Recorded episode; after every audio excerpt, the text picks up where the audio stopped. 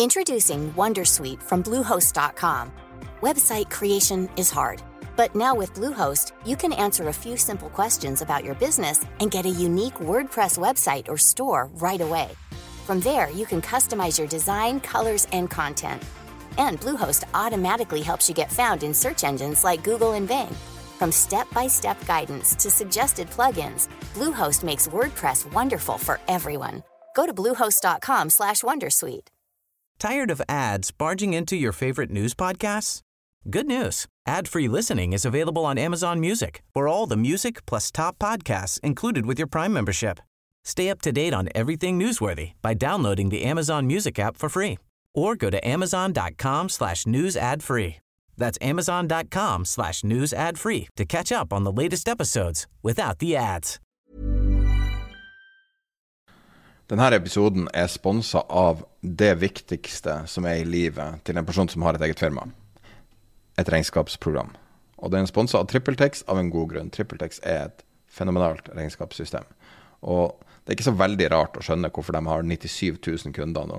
Og hver gang vi har de her reklamene, så er det nei, nei, nei, du må legge, du må, vi må ha nye reklamer, nye innspillinger, fordi at det vokser utrolig fort. Og det er en veldig god grunn til det. Men jeg har lyst til å snakke om én ting i dag som er veldig positivt med, med TrippelTrix, og det er at du kan koble på regnskapsfører. For det er ikke alltid at du har lyst til å gjøre det sjøl, det er ikke alltid at du kan gjøre det sjøl. Noen ganger så er regnskap komplisert, og det er litt sånn der veldig mye av problemene starter, at folk er så redd for regnskapssystemer. Så på TrippelTex, om du ikke engang er kunde, du trenger ikke å være kunde for å sjekke det her, så går du inn på forsida, TrippelTex med en P og en X. TrippelTex. TrippelTex. trip.le.tx.no. Og Hvis du går inn på, på sida, så går du på den som heter regnskapsfører. Da har du to måter å finne regnskapsfører på. Enten kart, der du kan gå gjennom et kart og finne dem som er lokalt, eller det som heter regnskapsmatch. Så På regnskapsmatch så gjør de det veldig enkelt. De stiller deg en, eh, fem spørsmål. Svarer du på det, og så får du de tre eh, som matcher dine behov best. Jeg kan si litt hva som møter deg når du da får en regnskapsfører. La oss si at du kan stifte et nytt firma, eller et eller annet som du er usikker Det er masse spørsmål på det. Og så får du en regnskapsfører. Ofte veldig bra regnskapsførere. Det er et krav for å bli godkjent her, sånn at du, du kan stole på at det, det, er gode folk du finner. Og eh, du kan lese om dem før du så kan du ta kontakt med dem og alt, og så sette opp. Og en typisk ting når du starter, er at du tar kontakt, og så eh, gjør den eh, jobben, og så får du en faktura. Og det som man før tenkte liksom, faktura var liksom titalls tusen bare for å ha regnskapsfører, for du måtte gjøre årskontrakter. Her kan du betale timespris, du betaler for det akkurat det du trenger. Og det er liksom det som går igjen i de her modulbaserte verden, som er TrippelTex. Du betaler for det du trenger, og det er så tilfredsstillende for forbrukere. TRIPLETEX.no. Si at tida er penger, kjente det. I forbindelse med at vi la ut en ny episode på Patron i dag, så publiserer vi en episode vi tidligere har publisert på Patron på vår åpne podcast-feed. Og I dag er det en episode som vi kalte 'Foran dampfugl inn i fremtiden', som delvis svarer på spørsmål der Peter svarer på spørsmål fra lyttere. Og så avslutter vi med et ganske omfattende intervju med Morten Goodwin, som er ekspert på AI. Det er veldig interessant. Da går vi inn i introen fra i mars, 8. mars i år. Da har vi en liten ekstraepisode som vi kommer med midt i uka nå eh, etter eh, Vi skal ikke snakke om eh, hva som skjer med Fed og diverse taler til Powell og rentenivå og han, han snakker vel mens, mens, mens, vi snakker, så vidt jeg vet. Ja. Vi kan vente med det til mandagen. Det um, Skal vi ta noen spørsmål først? Så har vi jo gjort et intervju om uh, machine learning og AI, da, som var veldig mm. oppklarende på veldig mange ting. Så vi kan ta det etterpå. Ja, det kan vi godt. Vi har fått åtte spørsmål inn fra lyttere, og jeg tror et og annet kanskje er blitt glemt også, så minn oss på det hvis vi ikke har fått det med oss. Um, første spørsmålet. Vet du om noen gode kilder til informasjon om kobber fra et finansielt perspektiv? Han savner dybdeforståelse av det. Det står ikke så mye om kobber i avisa, f.eks.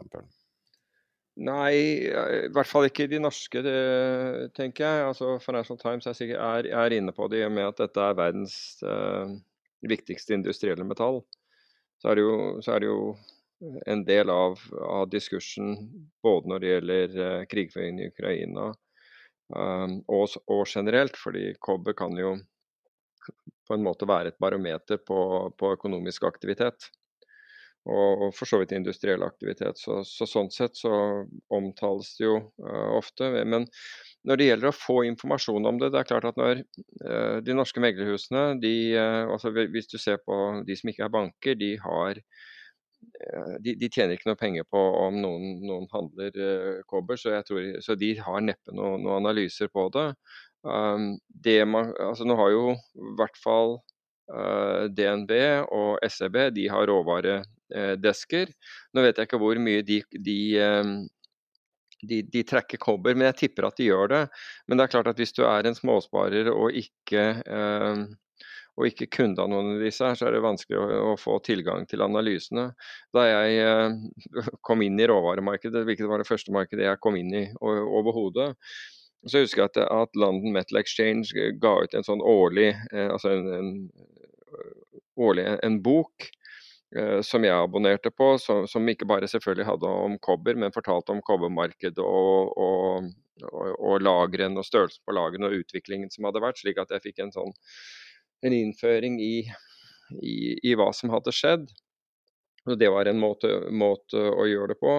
Altså de, de, store investeringsbankene i utlandet har jo selvfølgelig analyser på det, men igjen så er ikke det noe som er til, tilgjengelig for alle. Men man kan gjøre akkurat det, det som jeg gjorde, egentlig. Altså nå, er, nå er London Metal Exchange fortsatt altså, i, uh, i, London, uh, altså fysisk sett, selv om den eies av kinesere. Men, men jeg ringte til dem og, og, og spurte hvordan jeg kunne få, få tak i informasjon. Og, og, de hadde jo da publikasjoner å kunne vise til. altså I dag så er jo alt dette her på nett. Så jeg er temmelig sikker på at du kan gå den veien der og, og så rett og slett spørre deg for, og så er de behjelpelige med den informasjonen. Uh, eller i hvert fall å guide deg i forhold til, uh, i, i, forhold til hvor, du, hvor, hvor, du, skal gå, da. Jeg tror det blir å anbefale Bloomberg, vil jeg gjette. Det der er det som uh, kommer over. Ja, altså, ja, Bloomberg, men det, det er de, vel de færreste som har en Bloomberg-terminal, vil jeg tro. Så... Nei, men du har råd til et Bloomberg-abonnement på bloomberg.com. Og sånn, ja. Eh, på den måten. Ja, det, er sikkert, sikkert bra det òg, men hvis du skal ha ting som uh, warehouse stocks, det heter uh, Altså størrelse Altså hva heter det for noe? Lager Hva heter det Altså mengden kobber på lager, da. som var en del av det vi brukte. Uh, Eh, regelmessig. For vi, vi, handlet jo fysisk så vel som i, i, eh, i, i future-markedet. Så, så, fikk vi den fra LME. og Det kan godt hende at den finnes på websiden til London Metal Exchange. Det gjør den. Ja, akkurat. Altså, så der, altså Jeg ville gått dit først. Og, så, og hvis man ikke klarer å finne frem der, så ville jeg rett og slett ringt dem og spurt hvor kan jeg få mer informasjon. Så er de behjelpelige med det. Supert. Vi ta neste spørsmål? Kom igjen. Uh, det er en lytte, det er en stund siden det kom inn. da, det, det, var, Vi nevnte så vidt SPI, altså den største børsnoterte fondet som, som eh, dekker SMP 500. Og så mm. var det en som lurte på hvorfor man ikke anbefalte Forresten, jeg vil bare si at vi anbefalte ikke SPI, det er bare den største. Eh, men så spurte hvorfor man ikke anbefaler å fokusere på ESG-varianter av SPI. Det er sikkert de som gjør det òg, men du kan si at benchmarken i verden er, er SMP 500 og SPY, som er da eh, navnet eller tikkerkoden på det, eh, på det børsnoterte fondet, som, som trekker denne her. Eh, eh den, den, er liksom den er benyttet av alle og representerer den indeksen. Og det er jo rett og slett eh, altså Hvis alle går ESG så, og, den andre, men eh, så kan nok denne ESG-indeksen bli mer populær. Men i øyeblikket så er det, så er det SMP 500 eh, som er benchmark. Og, og dermed så er, liksom, så er fokuset på, på SPY. Og Der er det også et, et veldig veldig aktivt opsjonsmarked, som vi har snakket om tidligere. Eh, neste spørsmål er om uh, Boas Weinstein og uh, Saba Capital, som, mm. som, du regelmessig bringer opp. Og så er det en som lurer om de to børsnoterte fondene deres. CF er closed end fund. Så det han gjør med det, det er rett og slett at han ser på, eller det de gjør, er at de overvåker alle disse lukkede fondene. Altså fond, de lukkede fond vil si fond som da ikke tar Altså som har nærmest permanent kapital, og som da ikke tar tegninger eller innløsninger. Og Det er jo for så vidt et problem, fordi det er et problem å komme ut av dem hvis du ikke får en fair pris på børsen. Så det her er et fond som investerer i andre fond, og de, de fondene er da closed end, altså de er lukkede. De er lukkede fond. Så forretningsmodellen til, til Boas her er at han ser da på Rett og slett fordi, de, fordi man ikke kan innløse dem, så handler en god del av disse fondene med rabatt i forhold til Nav, altså net asset value, altså verdien av det fondet har i porteføljen. Om, stort sett er det, jeg regner med det, det er aksjer, men det kan også være lån, altså obligasjoner. Så det Boas uh, forsøker å gjøre her, det er å utnytte denne rabatten. Og så vil jo da en våken lytter si at ja, hvordan kan han utnytte den når uh, han ikke får solgt, når han ikke kan innløse andelene. Og svaret på det er at det han da gjør, er at han kjøper opp såpass mye at Eller han kjøper opp nok til at han kan kuppe uh, en generalforsamling. Altså han, han, kaller inn til ekstraordinær generalforsamling. Og, vi, og vil da løse opp fondet, slik at man kan få, få solgt dette til, til, Nav. Men det han egentlig gjør, er at han forteller da forvaltningsselskapet uh, stort sett, prøver å gjøre en deal med dem fordi han sier dette er investorfiendtlig. Så da kan enten finan eh, unnskyld, eh, forvaltningsselskapet var det jeg mente. Forvaltningsselskapet kan da enten kjøpe tilbake disse andelene, slik at man får opp verdien, eller så vil, vil han gå for innløsning av, av fondet. Altså, eller nedleggelse av fondet og utbetaling til aksjonærene. Så Det er hele ideen bak, bak det. Um, så han gjør det ved, ved, ved en sånn proxy battle. Uh, så altså I fjor var det ikke et spesielt godt år for det, i og med at markedet falt, og da faller jo verdien av disse her. Så da, da var det, det, dette fondet ned, ned, ned 5% men det er, det er, allerede opp 9 hittil i år. Så det er merit i det, og Boas er flink. Han er veldig flink. Um, og det er jo åh, Nå står det stille for meg. Herbalife, hvem var det som gjorde den uh, hedgefondforvalteren? Du husket ikke forrige gang. Og ja, jeg tenkte på det nå. Eh, jeg, jeg, jeg, jeg kan eh, tegne deg et bilde av han. Ja, ikke sant. Det er jo helt utrolig at vi ikke klarer å huske navnet hans. Men han har ja, du, du, kan sikkert google det. Men, jeg, Bill Ackman, selvfølgelig. Bill Ackman, selvfølgelig. Men Bill, Bill, Ackman har jo et slikt fond som handler da til betydelig rabatt. Og da er det mange som har lurt på hvorfor tar ikke Boas og, og, og, og går løs på det fondet? Og svaret er Bill og Boa spiller tennis sammen et par ganger i uka.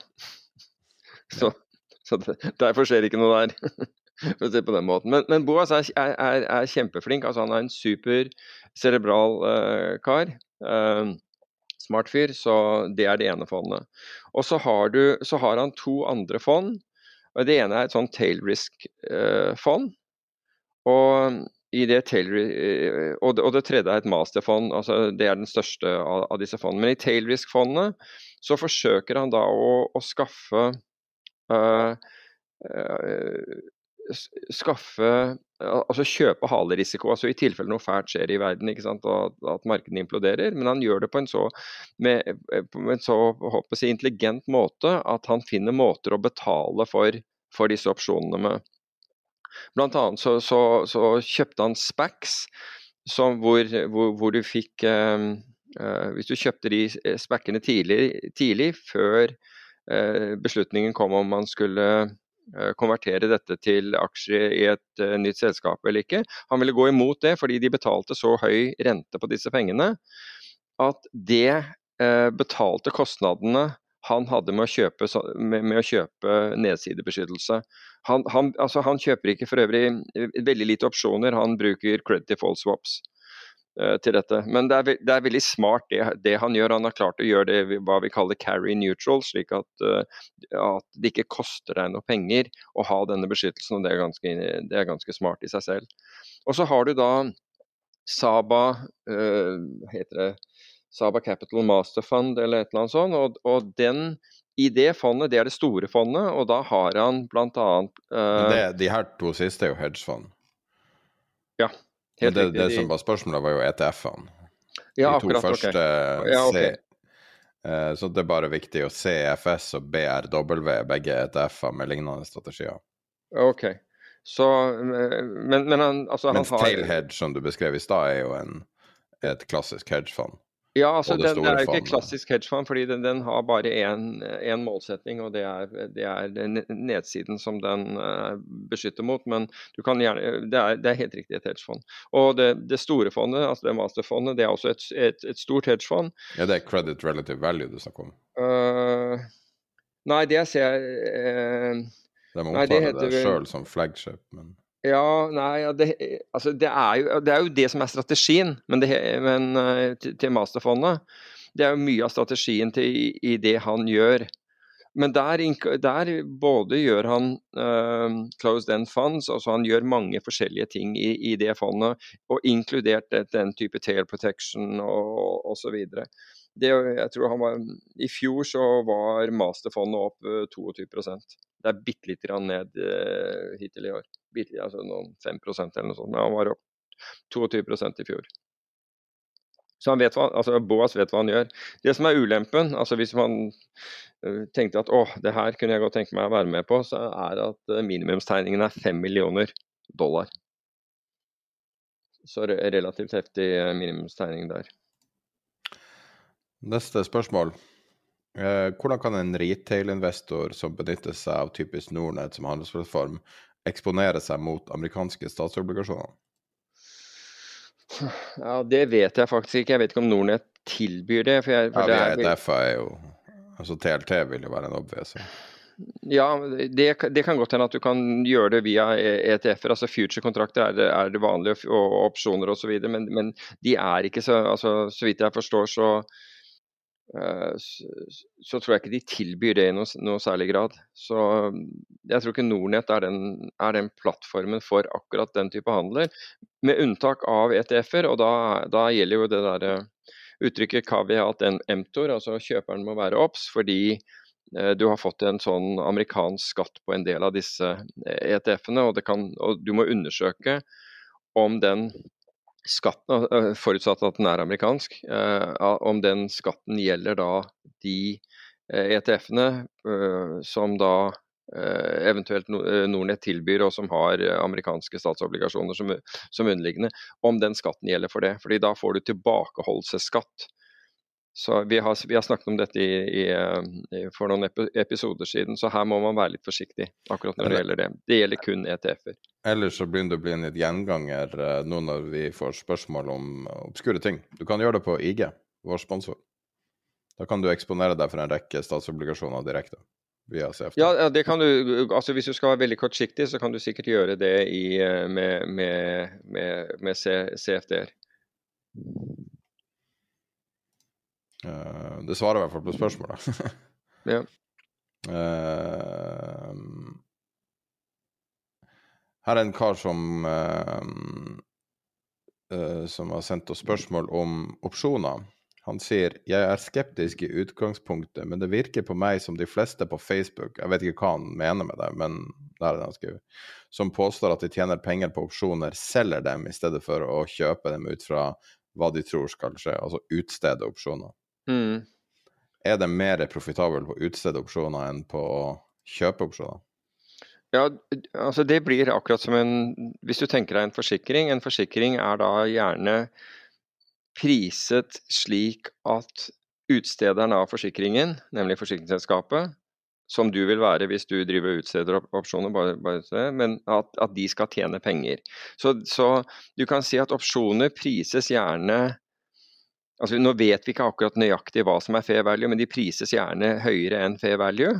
Uh, en matematisk fair value, men, vi, men, ikke altså Vi vet jo ikke hva fremtiden bringer. Så, så det er på basis av, av fem forskjellige variabler så, som, som, ikke står stille, så, så, du kan tenke deg nøyaktigheten av det.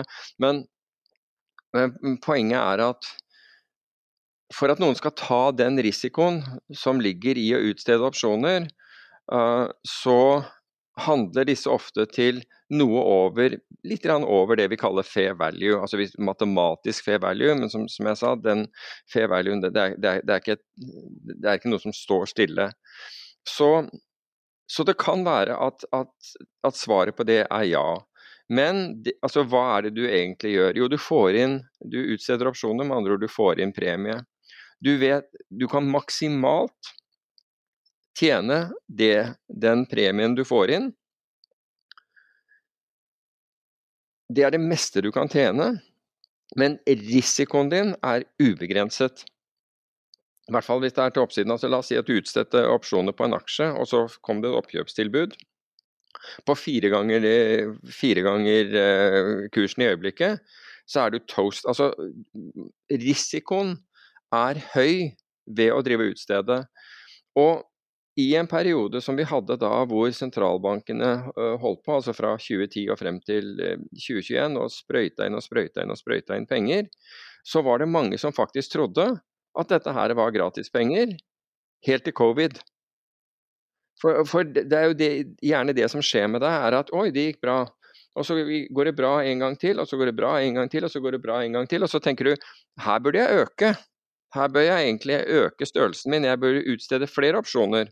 Da tjener jeg dobbelt så mye penger. Hvis jeg utsteder uh, to istedenfor én, så tjener jeg dobbelt så mye osv. Og, og så gjør du det der, og så tenker du at nei, vet du hva, jeg burde utstede enda flere, for dette her er jo penger på gaten, tror du. Men det du driver med, er å plukke opp småpenger foran en bulldoser. Og en bulldoser som, som plutselig kan hoppe framover, rett, og slett. Så jeg, jeg, sier ikke at du ikke kan gjøre dette her, og jeg sier ikke at du ikke kan tjene penger på det, men du må virkelig forstå risken. Fordi av en eller annen grunn så tror alle at de skal få en sånn Plutselig så, få, så skal de få en, eh, en, en beskjed om at vet du hva, nå kommer en svær bevegelse, så nå bør du holde deg unna. Altså Store bevegelser kommer ikke uh, kommer ikke med advarsel, de, de, dukker plutselig opp. Det er, det er, det er rett og slett uh, sakens natur.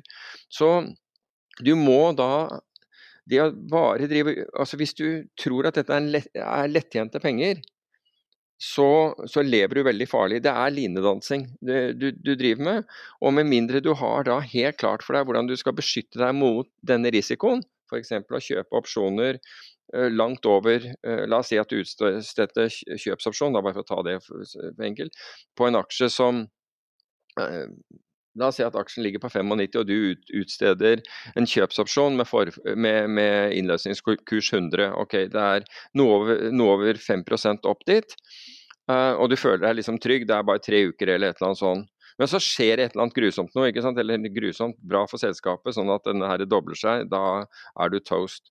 Men det du kunne ha gjort, det var å ta noe av den premien som du får inn, bare en liten andel av den premien du får inn, den kunne du da brukt til å kjøpe en opsjon, f.eks. som ga deg retten til å kjøpe den på 120. Og ja, du vil tape da forskjellen på 100 til, opp til, til, 120, men du vil ikke ha mer risiko enn det. Altså Uansett hva som skjedde med det selskapet, så vil du ha en, ha, ha en sånn rettighet. Så, men er, de aller fleste som driver med dette, her, de gjør det, de gjør det ubeskyttet. De, de, de syns det er waste of money å, betale for, for, denne beskyttelsen. Men tro meg, altså i den karrieren gjennom liksom over 40 år i finans, så har jeg sett folk blir så vanvittig overkjørt i dette. Og en i Norge som da stadig dro inn kunder, og han solgte kjøpsopsjoner og salgsopsjoner på OBX-indeksen. Bare utstedte og utstedte. Og så lenge det gikk bra, så så det ut som Altså så var den øh, Eh, profit and loss-kurven, hva heter det for noe, altså gevinst-tap-kurven hans, den, den, gikk liksom oppover i 45 grader. Det så så vakkert ut. Det så ut som fyren var et geni. For det, det, var, det, var, nesten ingen variasjoner, og han drev og, og utstedte disse hver eneste måned. Han har gått over ende to ganger. Dvs. Si kundene hans, eh, to ganger som jeg vet om. Antakeligvis har han gått over ende eh, flere ganger, og da har kundene blitt wiped out. Så dette er, dette er risikosport. Forstå at det, at det, det kan gå til Jeg har trent mye med risikosport, og bank i bordet, jeg er fortsatt i live. Men, men, men, dessverre så, så, så, er det en del av de som jeg har drevet risikosport sammen med, som ikke er det. så forstå at dette her er risikosport. og mens altså, hvis du ser på, på den motsatte eh, siden, da, så, så, kjøper du opsjoner, altså du betaler premie. Og så tenker du at liksom, da, satser, da faktisk satser du på at du får en stor bevegelse. Da vil du tjene penger på et marked som, som, ble dårlig eller ble veldig bra, eller et eller annet. Da vil du tjene fantastisk mye penger på, på det.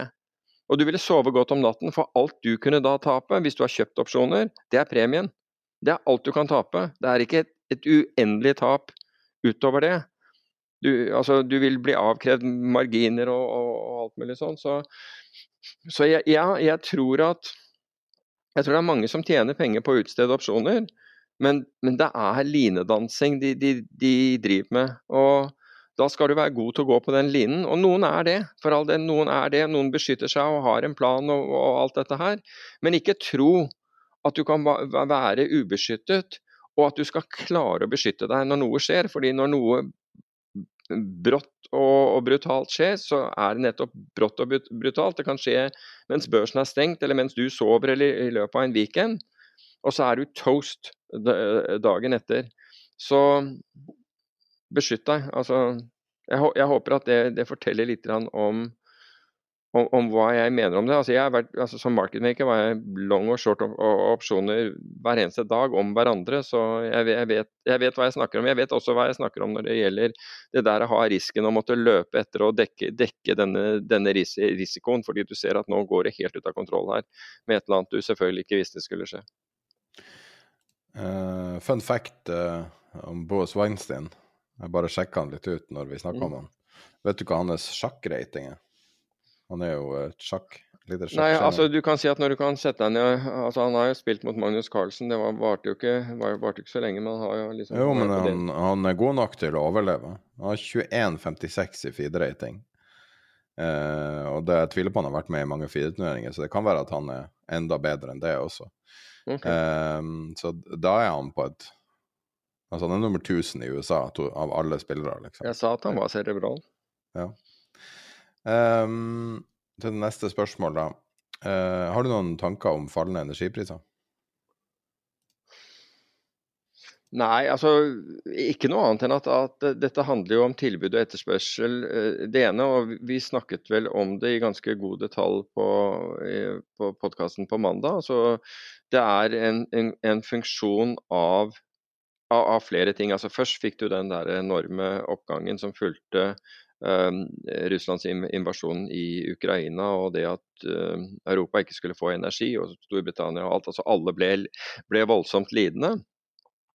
Og så har da rett og slett flere ting inntruffet siden det. Altså Det ene er at når energiprisene ble så høye og det var fare for at, uh, at man kunne fryse i hjel, altså rett og slett ikke, ikke ha, ha, ha, strøm og varme, så begynte man å redusere etterspørselen. Altså folk sparte. Uh, altså, det er, jeg det selv. Det er iskaldt i huset og, og, til tider. Og, og, du prøver å holde, holde, forbruket ditt nede, og det, det, har man gjort. Altså, man har da senket, som jeg, jeg sa i, i, i podkasten, i Europa med eh, etterspørselen med 15 justert for, for, for temperatursvingninger. Det er betydelig.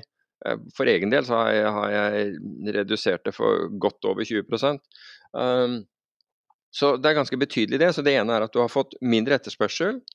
Og så har man vært flinke til å uh, til å erstatte den. Bl.a. Uh, har Norge, som vi alle vet, levert mye gass til Europa. Og så har man da uh, utbygget da ilandføringen av, av LNG Eh, som er da nedfrosset gass på, som fraktes på, på skip. Um, fra USA og, og fra, fra, Qatar. Altså USA blir vel verdens største er, er, i ferd med, altså I løpet av to år så er USA verdens største eksportør av, av, LNG. Så Det er jo på en måte det som er bak det. og du kan si at vi, Etterspørselen etter kull var jo først og fremst fordi noe måtte man ha. Altså man, man, måtte jo altså Kullkraftverk, altså når man ikke hadde gass, så var kullkraftverk eh, alternativet. Så det er jo for så vidt naturlig, ikke det at jeg så for meg at dette, at dette skulle gå så fort, uh, at, at, etterspørselen har, har falt. Uh, blitt, blitt, møtt da med, med, uh, med, med, gass fra andre kilder. Så, men spørsmålet er, det, er, er neste år og osv. Og det avhenger jo bl.a. Av, av temperaturen. Men bunnlinjen er jo at dette at verden har tilpasset seg. Altså rett og slett at Europa og verden har tilpasset seg den nye situasjonen. Og nå jobber man da selvfølgelig da med, med Gasslagrene er, er, ganske er, er komfortabelt eh, fulle i øyeblikket. ikke sant, Fra omtrent ikke å ha, ha, noe, ha noe lagre. Så, så, det er ikke så rart at, at, at det har kommet ned. Um, men dette kan jo brått skifte igjen. altså Vi, vi lever i en veldig geopolitisk usikker situasjon. Og eh, hvis den utvikler seg, gud forby eh, terroranslag mot, mot installasjoner, så kan dette her være noe helt annet på, på ultrakort tid. Akkurat som vi opplevde da, da Russland gikk inn i, inn i, Ukraina. Når det gjelder, når det gjelder uh, oljeprisen, men dette her var, var, vel egentlig gass og, og kull, var det ikke det spørsmålet var? Jo. Ja, for da, da, skal jeg ikke gå liksom ut på en tangent med, med, med oljeprisen, det, siden Nei. det ikke ble spurt om. Jeg kan ta neste spørsmål. Du har jo nevnt en sånn slags analytikerskole i et fond. Eh, jeg vet ikke om du sa at det gikk over syv år eller noe sånt, men ja, vet du sånn, kan, kan, du gi en sånn kortversjon av hva man lærer på noe sånt? Ja, altså det, fondet, altså, eller forvaltningsselskapet, er jo Point 72, Steve Cohns uh, forvaltningsselskap. Mulig, Gud veit hvor mange 100 milliarder dollar har de helt sikkert. For Steve, uh, Steve, uh, Steve Cohen har, har, jeg tror han har 70 milliarder i det, i, i det selv. Det er ekstremt Altså, konkurransen er blitt mye tøffere. Og, og som følge av at konkurransen er blitt mye tøffere innen, innen, innen forvaltning, det man har gjort, da, altså, det er jo litt altså Goldman er, altså I hvert fall tidligere i, i, i, Goldmans historie så var det jo sånn at når de først begynte i Goldman, altså folk som sluttet i Goldman kom aldri inn igjen, så, så folk på en måte hadde karrieren sin eh, der og, og ble da lært opp uh, i, de, i, de, forskjellige avdelingene av Goldman. Og, og, det er jo egentlig det Steve Cohen har gjort med, med å lære opp folk til, til forvaltning. Altså, og de tar de da jeg husker ikke nå i, i farten hvor mange tusener av søknader de, de får, men de, de, screener da på basis av, av søknader fra, eh, fra eh, folk som da har eh, graduated fra Hva heter det for noe? Hva heter det for noe? Altså, du er uteksaminert fra, fra universitet og tar deg inn til intervju og hele greia, og så koker det ned til at de, de, de, de, tar inn noen. Og så har de da dette programmet som varer i syv år. Altså Hvis du ønsker å bli forvalter da, eller trader, så går du hele skolen. Og det tar, altså, det tar syv år å bli forvalter. Men, men tilbake til uh, hva, du, hva, spørsmålet gikk på. Hva det består av? Jo, altså du har jo da, da, kunnskap, du har jo da kunnskap. Du kan godt hende at du har, du har en Harvard law degree for alt det. altså du er ut utdannet jurist. Men du, det første er å lære deg analysemetodikk. At du lærer analysemetodikk først. Og det er, et, det, etter min oppfatning det er et sterkt undervurdert øh, fag. Fordi folk lærer seg finansanalyse, men det er ikke analysemetodikk. Analysemetodikk handler jo om å innsamle data, verifisere de dataene, med andre ord at du, at du eh, Det vi kaller eh, eh, second sourcer i dataene, altså med andre får, får uavhengig kildebekreftelse på at de dataene du har samlet inn, er, er riktige. Så går, til, til, så går, de inn i analyseprosessen, hvor du lærer hvordan du skal analysere altså hvilken, hvilken, rolle de ulike dataene har, hvilken betydning du skal, du skal gi dem til at, til, til, eh, til at, du får et, da, et, produkt. fordi i løpet av denne perioden så vil du som regel, altså bare i de to, uh, de to momentene som jeg nevnte, altså nemlig innhenting av data, verifisering av data, og så går det til analyse. I analysefunksjonen så vil du som veldig ofte ha behov for mer data. Altså, da, da tenker du at hm, jeg mangler dette her, det er noe jeg ikke forstår her. Så da går du tilbake igjen til innhenting, som da dreier seg om hva er det jeg trenger å hente inn, hvordan skal jeg gjøre det.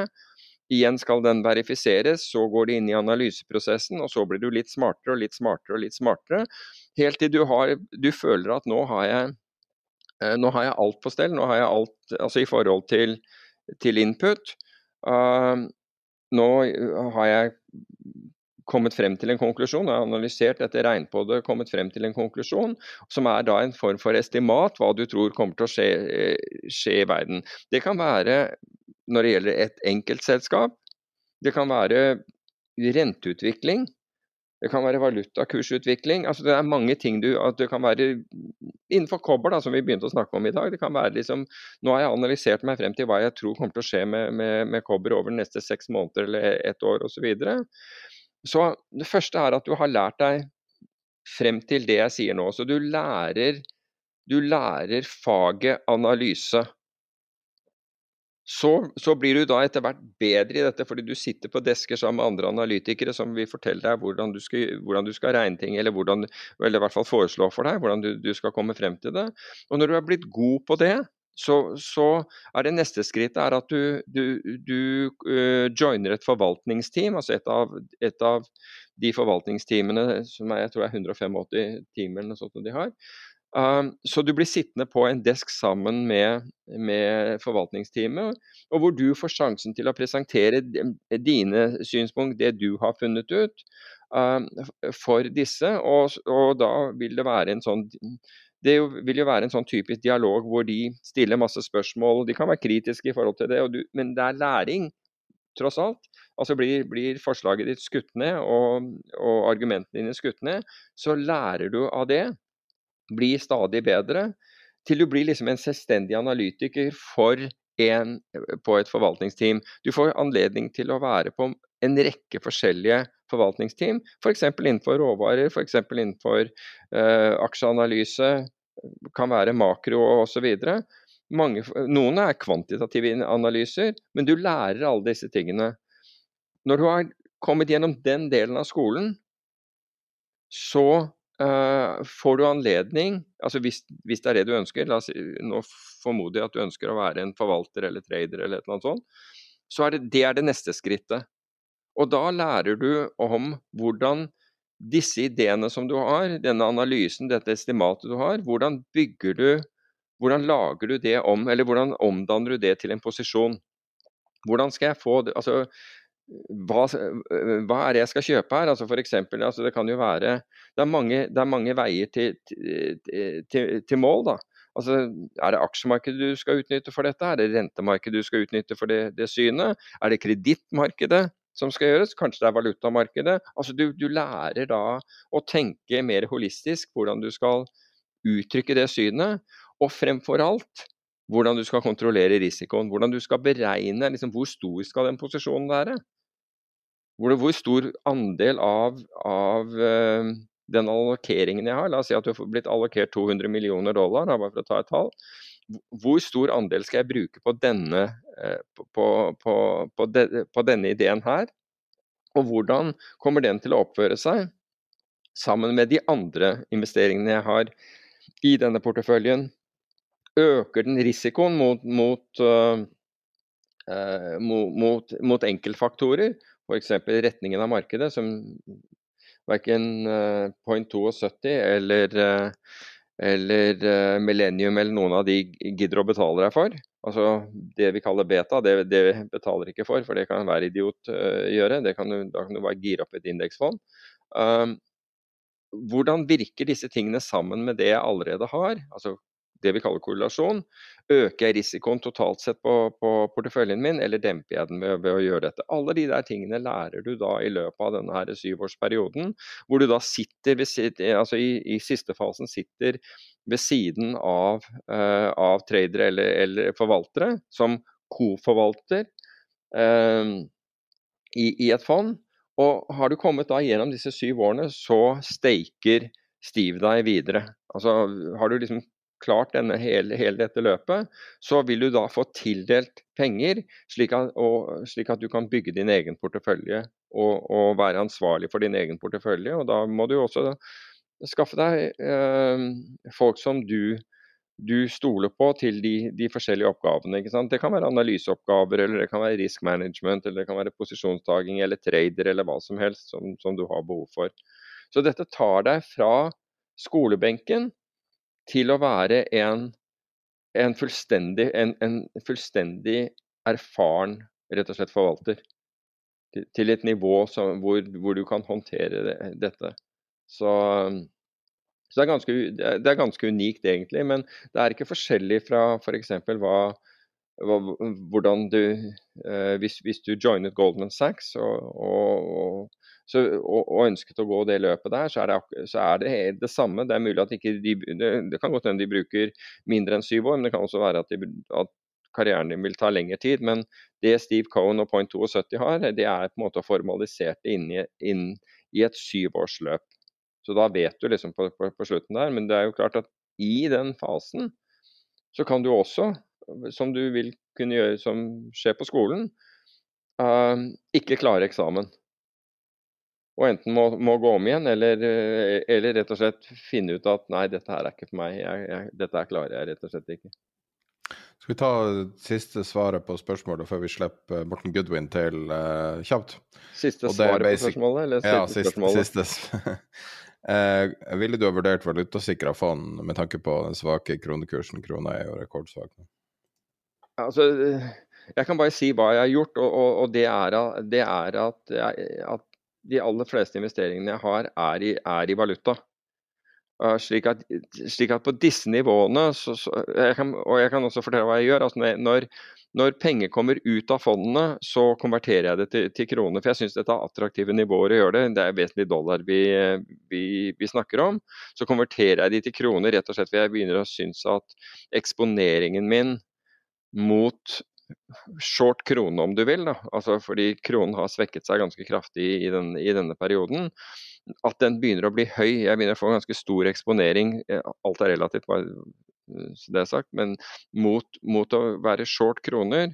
Og på de nivåene som er nå, altså jeg tror at det, det, altså Med mindre noe, noe voldsomt skjer, så, så, tror jeg så ligger en så er det asymmetri her, og det er vel kanskje det.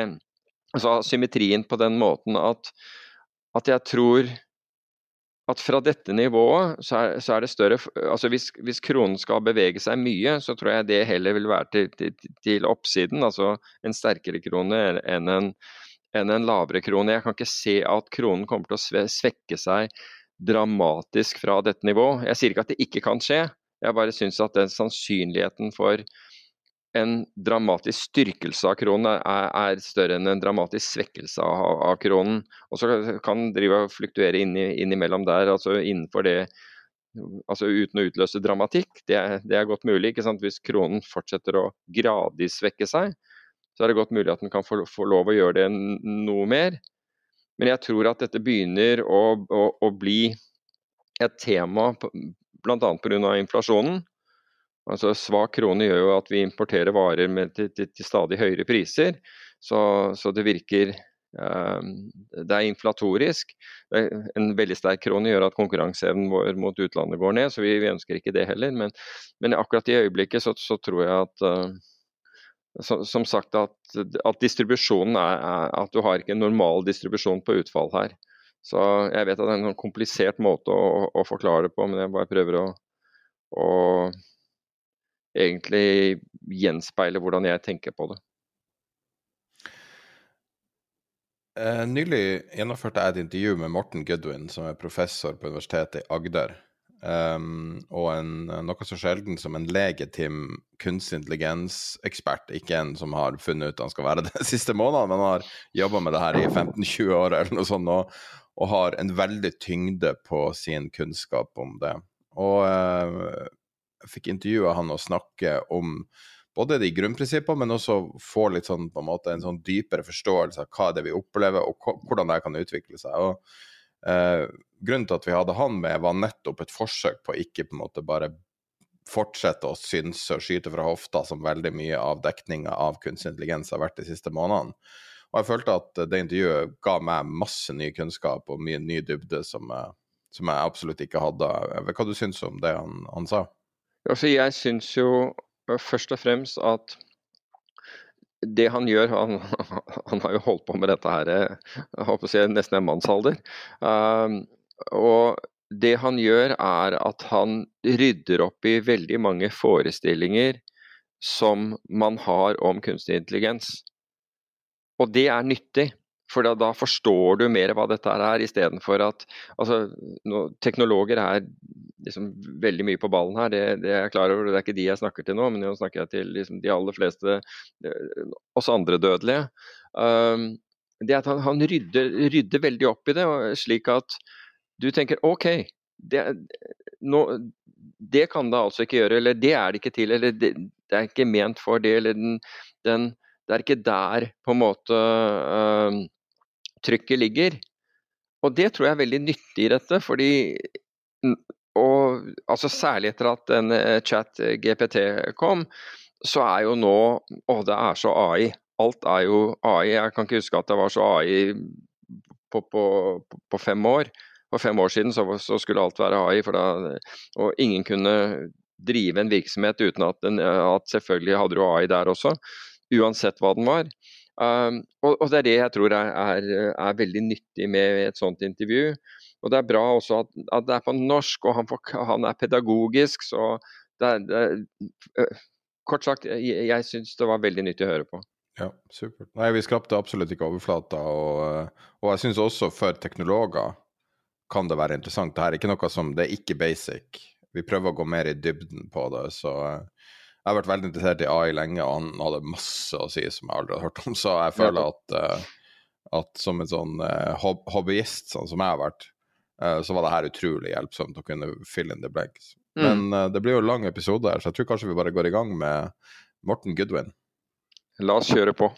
Ja, så Jeg heter Morten Gudvin, og jeg er professor ved Universitetet i Agder og har jobbet med kunstig intelligens i snart 20 år. Uh, så jeg startet da ved at jeg begynte å uh, interessere meg for data da jeg fikk en Commandore 64 en gang for ganske lenge siden, og har tenkt at informatikk og data er det jeg skal jobbe med hele livet.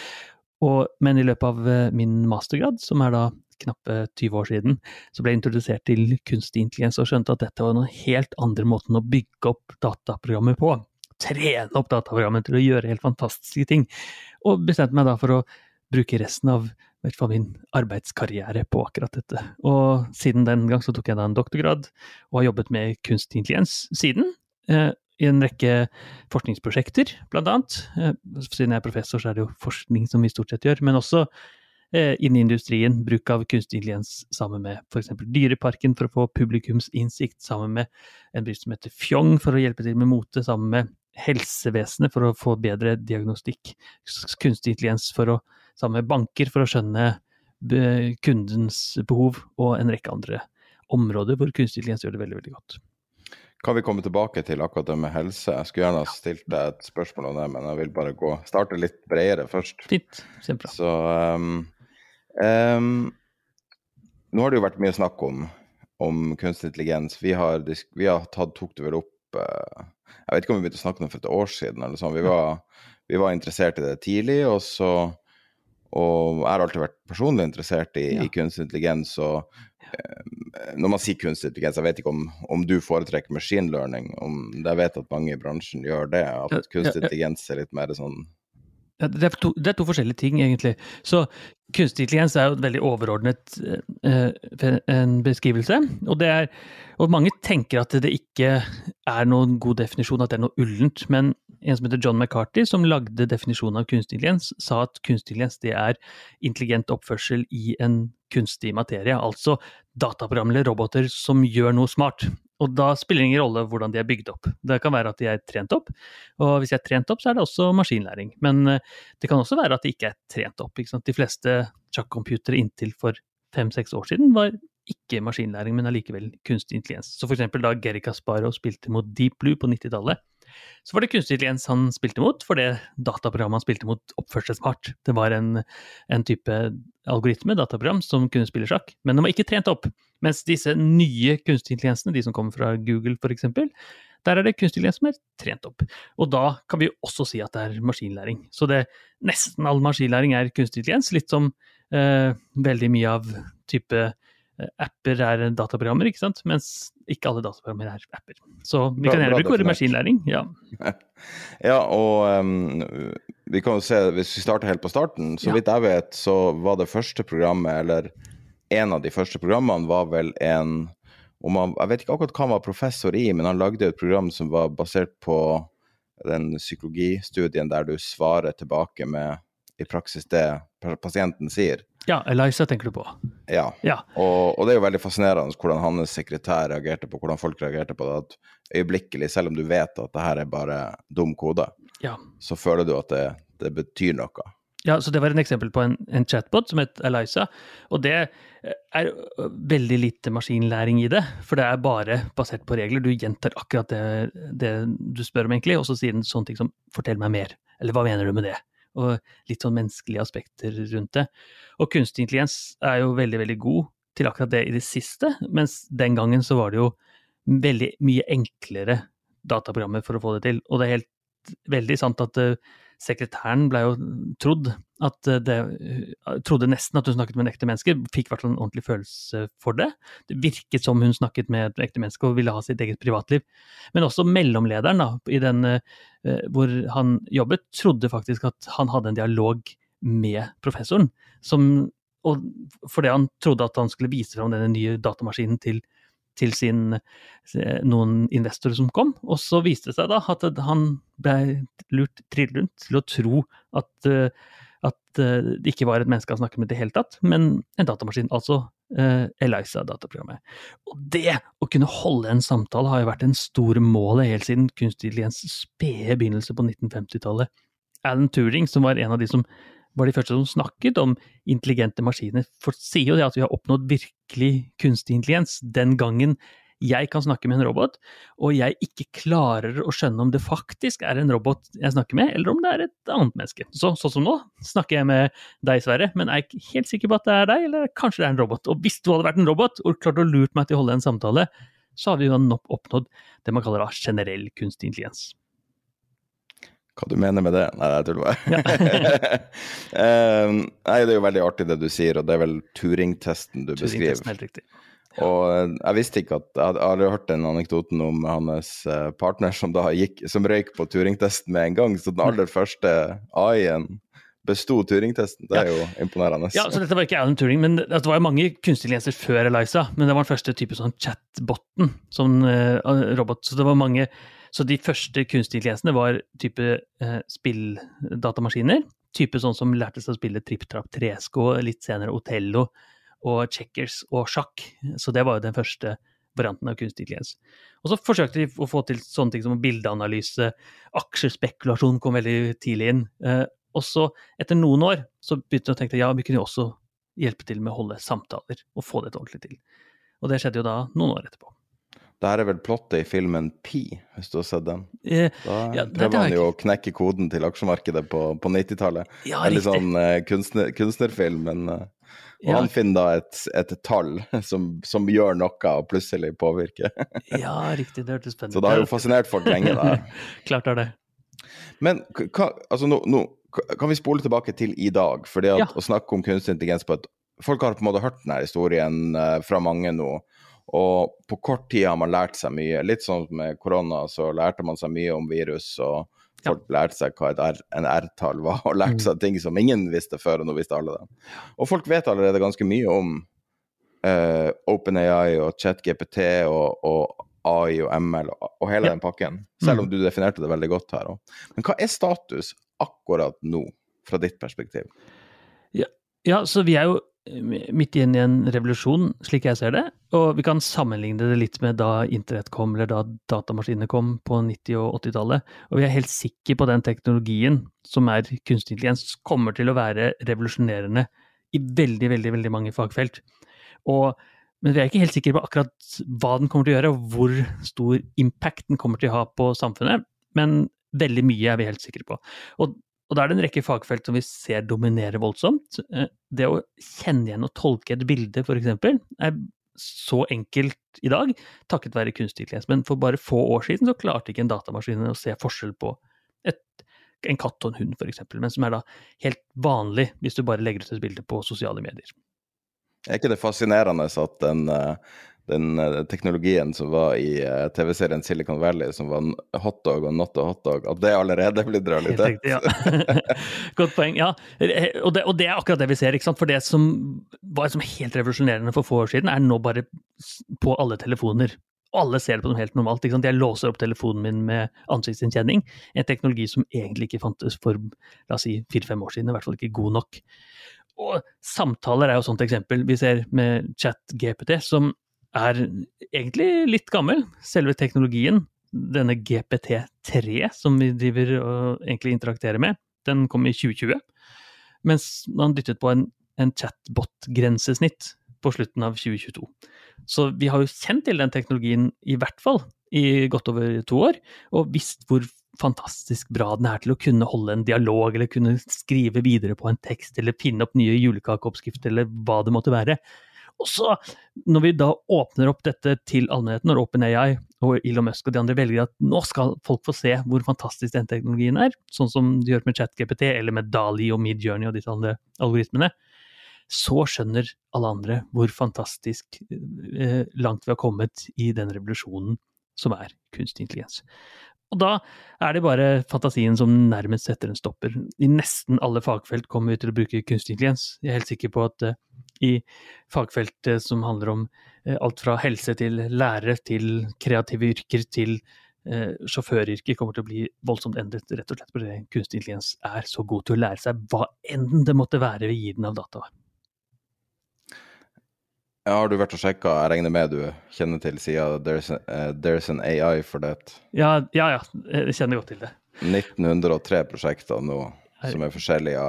Det virker å være forskjellige implementeringer av eh, ChatGPT stort sett, men uh, er det noen av de prosjektene som du syns ser mer interessante ut enn andre? Ja, jeg kan jo gå inn på nettsiden There's an AI for that. There is an AI for that. Og det er en det er en rekke prosjekter som vi ser, eh, ser få veldig nytt, nytte ut av seg. Og samtaler er litt sånn i, i vinden nå, men egentlig alt av type eh, som er disruptiv for ulike typer næring, og det kan være f.eks. reisenæringen. Det er f.eks. noe som heter TripAdvisor Summary, som er en type kunstig intelligens som leser gjennom sammendrag av type reiser. Ikke sant? Vi skal snart på vinterferie, vår familie, og da er det Eh, typisk å finne ut ja, hva skal vi gjøre akkurat her. Og da ser vi da kunstig intelligens egentlig bare kommer inn og hjelper til på det vi tenkte på som sånn mer liksom hverdagslige oppgaver eh, i dag. Eh, og, men ikke alt av det handler om tekst og samtaler, sånn som vi har snakket litt mye om. Men, men vel så mye om analyse av eh, data vi mennesker gir fra oss. Eh, enten det er på sosiale medier, f.eks., og tilrettelegge reklame, eller det er i undervisningssammenheng å få hjelp til å skrive en stil, eh, og, og som egentlig bare endrer fundamentalt hvordan vi tenker på det å være et menneske. Jeg tenker på det å kunne skrive, kunne være kreativ, som noe unikt menneskelig. Og så ser vi at jo, kunstig lens klarer til og med det. Og i det som er for deg, så er det jo mange sånne småprosjekter. Hvem hvilke av de som kommer til å dytte opp eh, verden voldsomt, eh, er vanskelig å si. Det er noen fåtall av det. Grammarly ble f.eks. lansert på That's an AI for that for noen år siden. Og det er et produkt som jeg bruker veldig mye til mitt, min hverdag. Ikke sant? Jeg skriver vitenskapelige artikler mye, og får bare skrivehjelp til å finne ut kanskje bedre formuleringer og finne noen skrivefeil som er litt mer avansert enn rettetasten i Word, f.eks. Så jeg er helt sikker på at veldig mange av disse kommer til å være produkter som vi kjøper, eller bruker i hvert fall, på en veldig snart. Hvilken av de, det er vanskelig å si.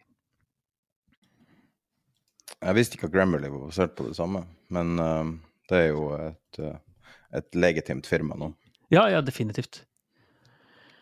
Um, hvordan tror du chat, eller GPT4, som er da um, om, om, Jeg vet ikke om det er både motor og datasettet, men det er jo Mm. tilsynelatende veldig mye større enn det vi har i dag, og kanskje det Bing bruker, jeg vet ikke helt. Hvordan tror du det vil se ut? Har du noen indikasjoner på det? Vet, mange har jo sett den grafen som viser på en måte forskjellen på mulighetene mm. uh, grafer opp, men, men, det er vanskelig å egentlig få grep på det. Har du så, noe så, så, Bing bruker GPT 3, eller 3.5, som de sier. Altså, de bruker ikke GPT4, for den er ikke helt lagd ennå. Uh, men du har helt rett, størrelsen er mye større, og det har vi jo sett i lang tid, at uh, når vi dytter inn større og større kunstig intelligens-algoritme, an flere parametere, så lærer den seg mye mer fantastiske ting som vi ikke trodde var før. Og det er en rekke ting som GPT3 ikke klarer, som vi kanskje kan tenke oss at GPT4 klarer. Sånn som f.eks. humor. Eh, veldig, veldig vanskelig å, for ChatGPT å komme med en ordentlig vits. Du kan spørre om noe, det blir ofte litt sånn banalt, og det følger liksom standarden til en vits. Det kommer en nordmann og en svenske og en danske, og så er det et eller annet plott, men virkelig morsomt er det jo ikke. Mens ChatGPT, eller GPT4, kanskje kommer til å ha det som et aspekt. Eller sannhet, da, som er en stort problem i GPT. Den er jo trent opp til å være en språkmodell. Altså, den kan snakke, være litt kompis, egentlig. Mens den å snakke sant, det er den ikke trent opp til. Så hvis jeg overbeviser den om at to pluss to er fem, så kan jeg be om nok interaksjoner, nok spørsmål. Si at jo, jo, to pluss to er fem, så klarer ChatGPT å faktisk si jo, jo, jeg er enig med deg, to pluss to er fem.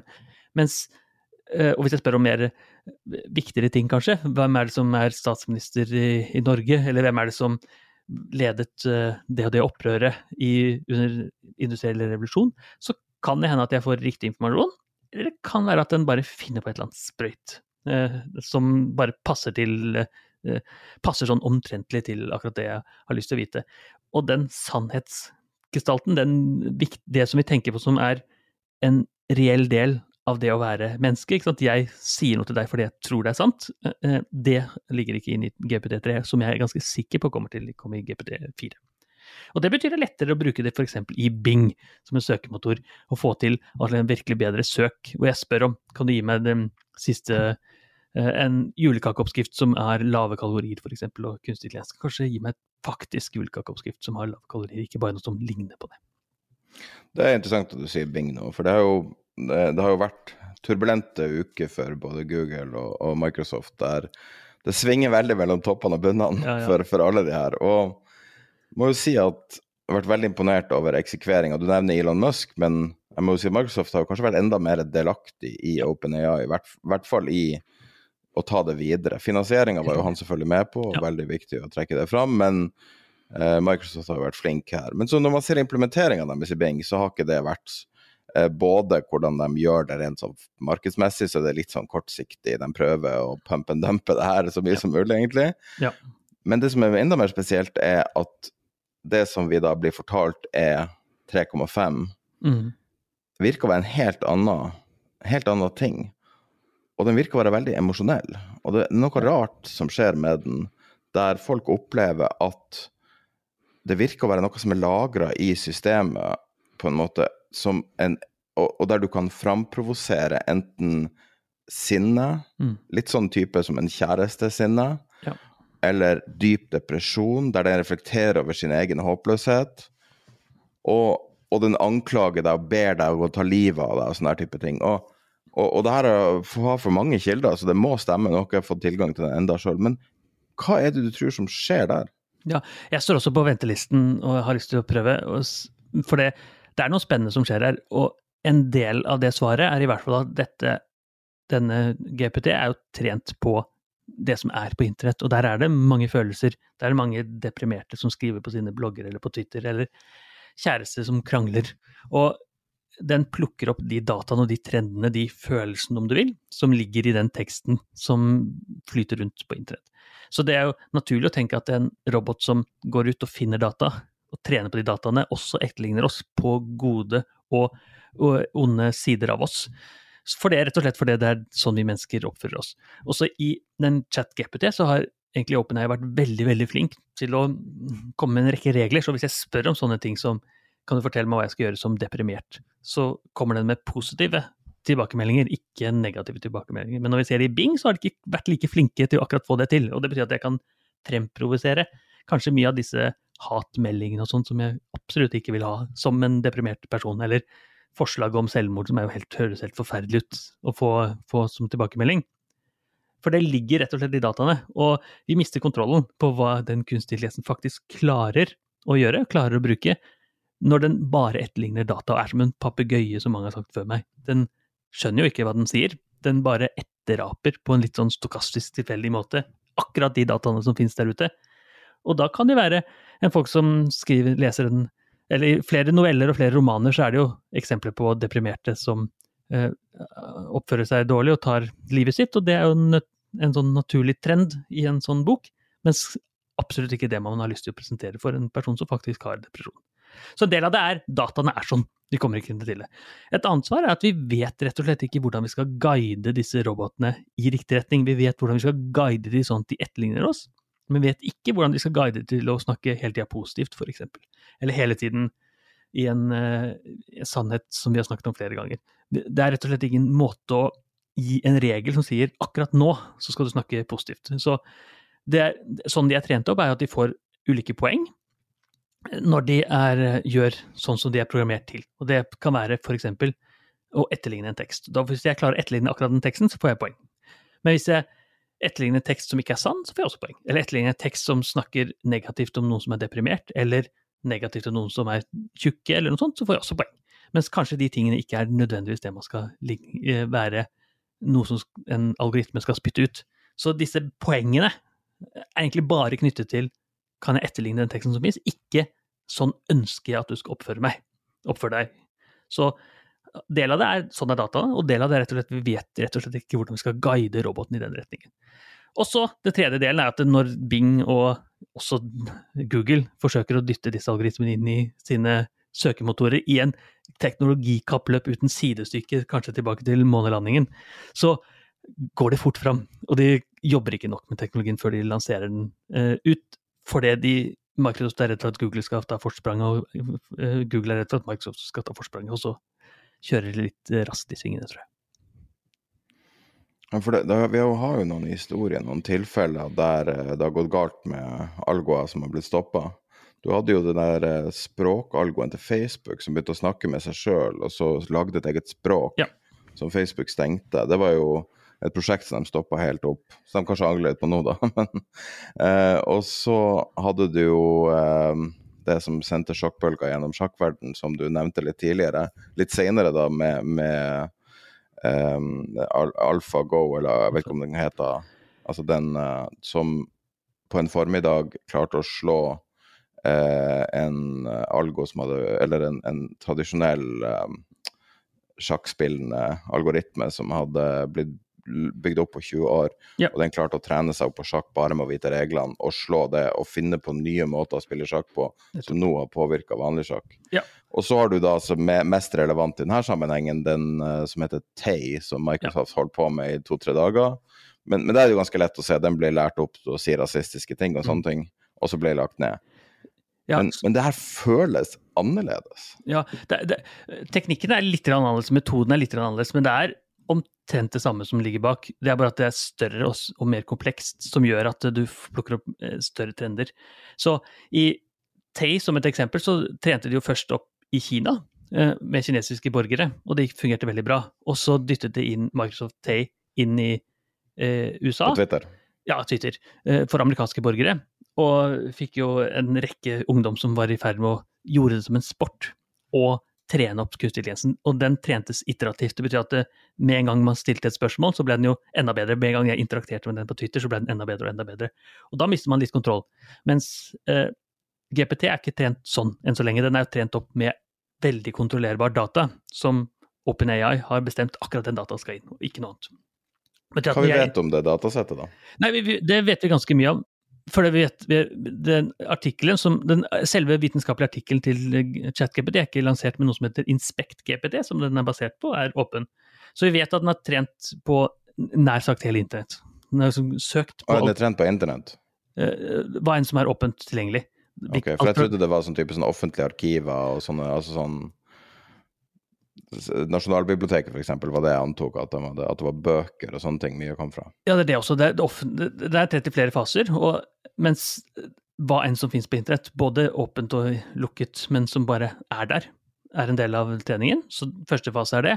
Andre fase er at den har eh, trent på menneskelige interaksjoner. Altså man har ansatt mennesker til å komme en rangering av svar dette svaret passer bra, dette svaret passer dårlig. Hvis jeg spør deg når landet folk på månen, så vil du si 1969, mens kanskje en annen person vil si 1970, og en tredje person vil si 2039. Og 2039 er mye mer feil enn 1970, som er da mer feil enn 1969. Og så menneskelig interaksjon er som en fase to av det. Og så i fase tre så har de da Altså da får de en kunstig som lærer seg hvilken, sånn, hvilket svar som er best eh, treffende. Og i fase tre så slår de de kunstig intelligensene sammen, så du får en sånn iterasjonsløppe. Så vi ikke trenger noe mer data, for da kan du ha én kunstig intelligens, som er da ChatGPT, som genererer et svar. Og så har du en annen kunstig intelligens som sier jo, dette var bra, eller dette var dårlig. Og så trengs det bare datakraft for å få det på plass. Og så jeg da, fortsett fortsettelsen av historien, er at uh, OpenAI har sagt at i GPT4 så kommer kunstig intelligens også til å trenes iterativt. Det betyr at når jeg snakker med GPT, chat-GPT, så vil den hele tiden bli lært å bli enda bedre og enda bedre. Og enda bedre. Og da begynner det å ligne litt mer på Tay, uh, som da tjentes på akkurat den måten. Sånn at, uh, og, eller på den Google som var Google chatboten, som da interakterte mot hverandre. Og en litt viktig del av den historien var at det, den eneste tilbakemeldingen, eneste poenget den fikk, det var at når den klarte å overbevise motstander-chatboten, for det var to chatboter som snakket med hverandre, når den klarte å overbevise motstanderen til å få flere baller eller flere hatter eller flere eh, sykler eh, i en sånn dialog om, om, hvem som skal ha mest, så fikk den poeng, og hvis den andre klarte å overbevise den første, så fikk den mest poeng. Så eneste interaksjon var det klarer jeg å overbevise hverandre. Og da er det jo veldig mye i vårt språk som er helt unødvendig. Så hvis vi hadde vært venner i 50 år, og vi skal bestemme hvem som skal få den hatten og den sykkelen og den, uh, den fotballen, så tror jeg ikke vi trenger å ha en veldig god samtale. Jeg kan bare si sånn fotball, sykkel, et eller annet. Og så klarer du det. Og så kan man trene opp enda mer. ikke sant? Jeg kan gi deg et par nikk. Uh, så, og så klarer du å skjønne jo, det er akkurat det jeg har lyst til å ha. Og det er den type eget språk i hermetegn, den chatboten fra Facebook lage det. Så det er jo helt riktig at den lagde et eget språk, men en annen måte å si det på er at den optimaliserte rett og slett interaksjonen mellom hverandre. Som to mennesker som har levd sammen hele livet, f.eks., også klarer. ikke sant? Kona mi kan smile litt på en måte, så vet jeg akkurat hva hun mener. ikke sant? For jeg har kjent henne ganske lenge. Og det er det chatboten også lærer. Så fundamentalt er det ikke annerledes. Det er den samme type nevrale nett-teknikken. Og så er det litt mer avansert, for det, det er noe som heter transformer, som er denne T-en i GPT, som er enda bedre enn enn en de teknikkene. Men i prinsippet så er det da et kunstig, kunstig intelligent nettverk som er etterlignet vår hjerne. Og ideen til det kom allerede på 1950-tallet. Men du er sikker på at T-en ikke står for Terminator? Ja, det, kanskje den eh, bytter om snart. jeg syns jo Transformer er enda kulere, for dette er jo disse robotene vi lekte med på 80-tallet, i hvert fall gjorde jeg det, hvor de kan bygges om til, til, masse forskjellig. Så hver robot kunne bygges om til enten en robot eller en bil. Og det er det som er tanken med Transformer, altså den T-en i GPT. Den kan gjøre så mye rart. Du kan enten snakke om medisin, eller den kan snakke om eh, aksjespekulasjon, og det funker allikevel. Jeg gjorde det der eh, verste jævla partytrikset nå som har dukka opp etter jul, som er å dele av det her eh, teksten er skrevet av ChatGPT. Ja, okay. Så det er jo blitt en ganske dårlig vits allerede når ja, du skal ja. holde foredrag og sånn. Men jeg stilte noen spørsmål rett før vi starta til Altså, jeg ba om spørsmål å spille, stille til en IT-ekspert om ChatGPT. Ja. Eller om, om AI og, og, om ML. Så. Og så fikk jeg et spørsmål, og så sier jeg det var boring spørsmål, kan ikke du prøve å komme med noen bedre? Og så fikk jeg mer kreative. Så morsomt. Eh, og så fikk jeg en del kreative her, og så syns jeg det kanskje det beste her var Kan AI være kreativ? Hva er noen eksempler på AI-kreativitet? Ja, så det, det spørs jo hva man legger i, i, definisjonen kreativ. Jeg tror vi mennesker overvurderer litt hva kreativitet er. Vi lager noe som ser fint ut, enten en god tekst eller et godt bilde, og så blir vi litt overrasket over hvor godt det er, og så kaller vi det kreativitet. Så å finne på noe helt nytt er en måte å tenke kreativitet på. Og hvis vi legger den definisjonen til grunn, så kan jo absolutt kunstig intelligens være kreativ. Den kan skrive en litt ny novelle, eller den kan komme på litt kreative spørsmål, som den egentlig allerede har eh, bevist at den klarer å gjøre, eller den kan tegne bilder eller lage en film som er helt ny. Og så klarer kunstig intelligens det veldig, veldig godt, men det, å tenke helt utenfor boksen, som vi mennesker er veldig veldig gode på. Finne opp en ny type telefon, eller finne opp en helt ny type teknikk, eller finne opp en helt ny type malerstil. Det klarer ikke kunstig intelligens. Den er alltid styrt fra oss mennesker. Så jeg vil si at absolutt klarer datamaskiner å være kreative. Og så er den kreativiteten bare et oppgulp av den menneskelige kreativiteten som vi allerede har gitt den, men når vi har trent de opp i massive mengder data. Og så er ikke det så annerledes enn hvordan vi mennesker er. ikke sant? Jeg som skriver tekster. Jeg har liksom lest en rekke tekster før, og kan skrive en ny vitenskapelig artikkel som kanskje kan virke som kreativ. Og så er det bare lært opp gjennom mange, mange år å få det til. På samme måte som en kunstner som maler har liksom trent i mange, mange år, sett på andre malere, blitt flink til å male, og klarer da å male noe nytt som da er mye bedre enn det Dali og Midjourney klarer, men allikevel prinsippet det samme. Er det prompten som er kreativiteten? Er det den som uh, for, for, i jeg kan si, i finans, da, for eksempel. Ja. Vi hadde en, um, en, av de foregående gjestene vi hadde på podkasten, uh, var um, en amerikansk forvalter. Og, og han, ja. så spurte jeg da hvordan, bruker du modellene dine? Ja. Og, og, da er det, når du skal tilnærme deg og trade på den måten han gjør, så er det enten lar du modellen kjøre sjøl, at den har på en måte en kill decision innebygd, sånn at den kan eksekvere uten noe innblanding av mennesker, og så har du den som er en, liksom en inspirasjon, og så har du den som gir deg konkrete eh, guidinger, men så kan du overstyre den. Og det man har sett i finans, er at ja. ofte den siste modellen er den beste. Ja. Det var det han brukte. Og, og det at, at den intuisjonen, den superlattmaskinen som bor i magen til en erfaren trader, ja har en verdi fortsatt, og kan kanskje ha en verdi ganske lenge. For det fins ting som er vanskelig å sette ord på. Når du, når du er vant til å se på det samme igjen, år, ut og år inn, ja. så klarer du å plukke opp mønster som du ikke klarer å beskrive. Og, og det har man i hvert fall sett. Så har, har, du noen sånne syn på spørsmål rundt kreativitet, at, at prompten Altså at, at, det blir noe som heter prompt engineer, på en måte. Ja. altså og vet, det finnes jo ikke et godt norsk ord for prompt. Jeg vet ikke om det er spørsmål eller innspill, eller hva man kaller det. Men um, ja.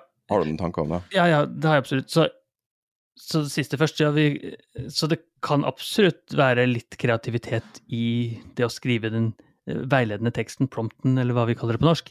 Men det er veldig lite av kreativiteten som ligger der. Hvis du tenker Jeg kjenner ikke så godt finansverden, men hvis du tenker kunstnerverden Hvis jeg eh, ringer til Nerdrum og forteller nå eh, vil jeg gjerne ha et nytt bilde av en hund som har en hatt på seg. Så er det litt kreativitet å tenke det, og så hvis Nerdrum tenker OK, så kan han male det. Og så kan jeg få det bildet, og så kan jeg henge det opp på veggen. Og så er ikke det en så realistisk verden, for verken penger har jeg nok av til å be Nerdrum om det, eller han har vel sikkert lyst til å tegne og sånt. Men poenget er at den bestillingen jeg gjør da, det ligner veldig, veldig på hvordan man prompter eh, disse kunstige intelligensene. Så når jeg da til Midjourney f.eks. For forteller jeg vil ha en hund med en hatt, så ligger jo veldig mye av den åndsverkshøyden, da, det som, er, som faktisk gjør at dette er kreativt, ikke i at jeg skriver det, tenker jeg i hvert fall, men at den algoritmen er trent opp til å skjønne at når jeg sier sånne ting, så skal den spytte ut akkurat en type hund. Hvordan den hunden ser ut, om det er en sjef schæfer eller en dachs eller en ovnsrør eller hva det er, og hva slags type hatt, og hvordan hatten skal være. Skal hatten være på hodet, eller skal den være på halen, eller hvor den skal være. Mye av den kreative prosessen ligger jo akkurat der. Så den kreativiteten er definitivt i hvert fall mye viktigere i algoritmen enn det er å skrive inn selve prompten. Og det at man kaller det prompt engineer, som til og med er blitt et yrke, eh, angivelig Folk kan bestille liksom, gode prompts av folk som har skrevet mye prompts før. Det jeg tror også er en saga blått. Det kommer til å være så allment og så kjent, på samme måte som det å google er veldig kjent nå. ikke sant? Når man googla et par ganger, så blir man liksom ekspert på akkurat hvordan man skal søke. Og hvis man har prompta en kreativ algoritme som, som eh, eh til å tegne, så eh, blir man også flink til det. Så jeg er overbevist om at den kreativiteten sitter i algoritmen, stort sett, sånn som de er nå i hvert fall, og ikke i de menneskene som sitter og mater med prompts. Kanskje litt i de dataene som den er matet med. Så da jeg skrev, jeg skrev en bok for et par år siden som heter 'Myten om maskinene', hvor jeg hadde et helt kapittel som handlet om kreative algoritmer, og det som da har blomstret opp og eksplodert som Midjourney og, og Dali noen år senere. Det forklarte akkurat dette, og sier da at kreativiteten ligger jo i opptreningen i algoritmen som ligger i dataprogrammene som, som spyttes ut. Digital slave, er det en bra måte å omtale det mer korrekt for det det er? Ja, det kan du godt si. Altså, du tenker at eh, algoritmen er en type digital slave? Så ja, altså at vi tilegner det, altså Grunnen til at jeg stiller det på ja. den måten og bruker ladda ord, ja. er litt mer at folk driver og sier det her er så dumt, herregud, den vet ikke at uh, Støre er statsminister. ja, ja. Fordi datasettet fra 2021. Ja. Og så og bare herregud, klarer den ikke å gjøre det perfekt? Og så tenker jeg bare det her er alfa av alfa-utgaven vi sitter og ser på. Ja, enig. Og jeg ser altså bare no, altså, casually ser magi i det her. Mm. Jeg er aldri jeg er nerd og liker like sånne spesielle Jeg husker når jeg, når jeg skjønte hva det her var, med det sjakkeksempelet tilbake i noen år. Når jeg hørte det i en podkast, jeg kjørte bil, jeg måtte stoppe bilen for å prøve å ta det innover meg. At den klarte å bli verdens beste, uansett medium, sjakkspiller på en formiddag. Ja. Og da skjønner jeg bare hva er det her slags monster? Ja. Og så tenker du på da um, sci-fi eller um, krysningen mellom vitenskap og, og det, der du har sånne prinsipper som Grey Goo, for eksempel. Mm. Og det her Binders-eksempelet, som er veldig kjent, og sånne ting. Og det er litt sånn vanskelig å ta det inn over, men jeg tar egentlig et valg rent personlig og, og ikke prøve å forstå det. For jeg tror kanskje det er feil å prøve å forstå det. Ja, jeg er nok en helt annen holdning. altså Jeg forsøker å forstå det. Eh, Det er jo jobben min som forsker og professor å forstå hvordan vi kan gjøre det. Er ikke det litt som å stirre på stjernen, på en måte? Du blir bare svimmel av det. Ja, det er mye som skjer. Det er ikke så tricky som man tenker. Som veldig mange tenker at dette er noe vi ikke egentlig forstår. Og det er en av de store mytene ved kunstig intelligens, at vi forstår ikke hvordan de funker. Det forstår vi veldig godt. Men det er bare noen ganger at vi forst- det er så stor og så kompleks at vi ikke alltid henger med på alt den gjør. Sånn som med sjakkeksempelet, som du sier. da, For den blir jo når den er trent opp riktig, men riktignok med store store datamaskiner som er mye kraftigere enn det vi har tilgjengelig på forskergjengen i Norge, i hvert fall, så klarer den ikke bare å bli bedre enn beste sjakkspilleren, den blir så umenneskelig mye bedre at det er helt umulig å tenke seg et menneske som noen gang kan spille sjakk på det nivået. Så god Over at Magnus, 3300 i rating. nettopp, og så god at Magnus Carlsen bruker sjakkcomputere til å lære seg å spille sjakk. For lenge så tenkte man da at det, det var veldig lenge tenkt at kunstig intelligens kunne aldri spille sjakk. Det var det, noe som bare mennesker gjorde, for det handler om intelligens å gjøre. Så spilte Gary Kasparov sjakk på, med Deep Blue på 90-tallet, og så sa de det er kombinasjonen av mennesker og sjakkspillere, altså sjakkcomputere, sammen, som er det beste. Og så gikk det en liten tur, og så kom historien som akkurat du sa. I løpet av en, en, en par timer så klarer den å bli bedre enn de aller, aller meste menneskene.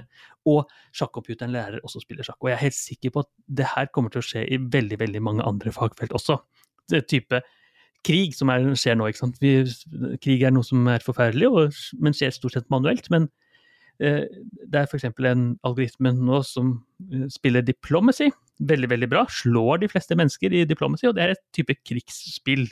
Så, og det er ikke, altså Selvfølgelig er det forskjell på å spille et brettspill, diplomacy, og kjøre en ekte krig, men avstanden er ikke så lang. Så det betyr at eh, strateg, strategien rundt og krig, og hvem skal man drepe og hvem skal man skyte osv., kan man veldig fort overføre til maskiner, på samme måte som man kan overføre sjakkspilling til en Men det er interessant at du bringer opp akkurat spill, fordi at det som jeg tror er årsaken til at det mestrer sjakk så lett, Ja. er jo at sjakk er jo egentlig ganske enkelt spill.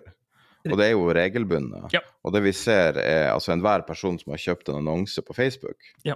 vet jo hvor skremmende bra eh, de algoritmene har vært, i hvert fall. Helt enig. Og det var mitt første møte med AI personlig, var å, kjøpe, å kjøre annonsekampanjer Ja. og se den konverteringsraten som alle andre typer kan drømme om. Ja. Fordi at de bokstavelig talt vet alt om det, og, og bare kan korrelere ting. Mm. Um, men det, det, et ut, altså det er jo det man Det, The White Whale i der er vel en sånn general eye. Ja. Og er, er det er det liksom som kald fusjon, at det er alltid fem år unna, eller er det faktisk innenfor rekkevidde nå? Ja. s- Så det er nok eh, litt som kaldfusjon. Der ligger liksom litt frem i tid. Og har, det er en litt sånn umulig målestokk for kunstig intelligens. Vi sitter og flytter den eh, intelligensen hele tiden. Så for et par år siden var jo sånn kreativitet sett på som det ultimate for kunstig intelligens, og nå er det løst. I hvert fall sånn som jeg ser det. Og så, ser vi, så var det snakk om samtaler, altså holde en god samtale, og det er i ferd med å bli løst, det også. Men så er det jo veldig mye den ikke klarer. da. Den har ikke en selvforståelse og ikke en selvbevissthet, og mye sånt som vi ikke har snev av tanker på hvordan vi skal få til en kunstig intelligens i det hele tatt.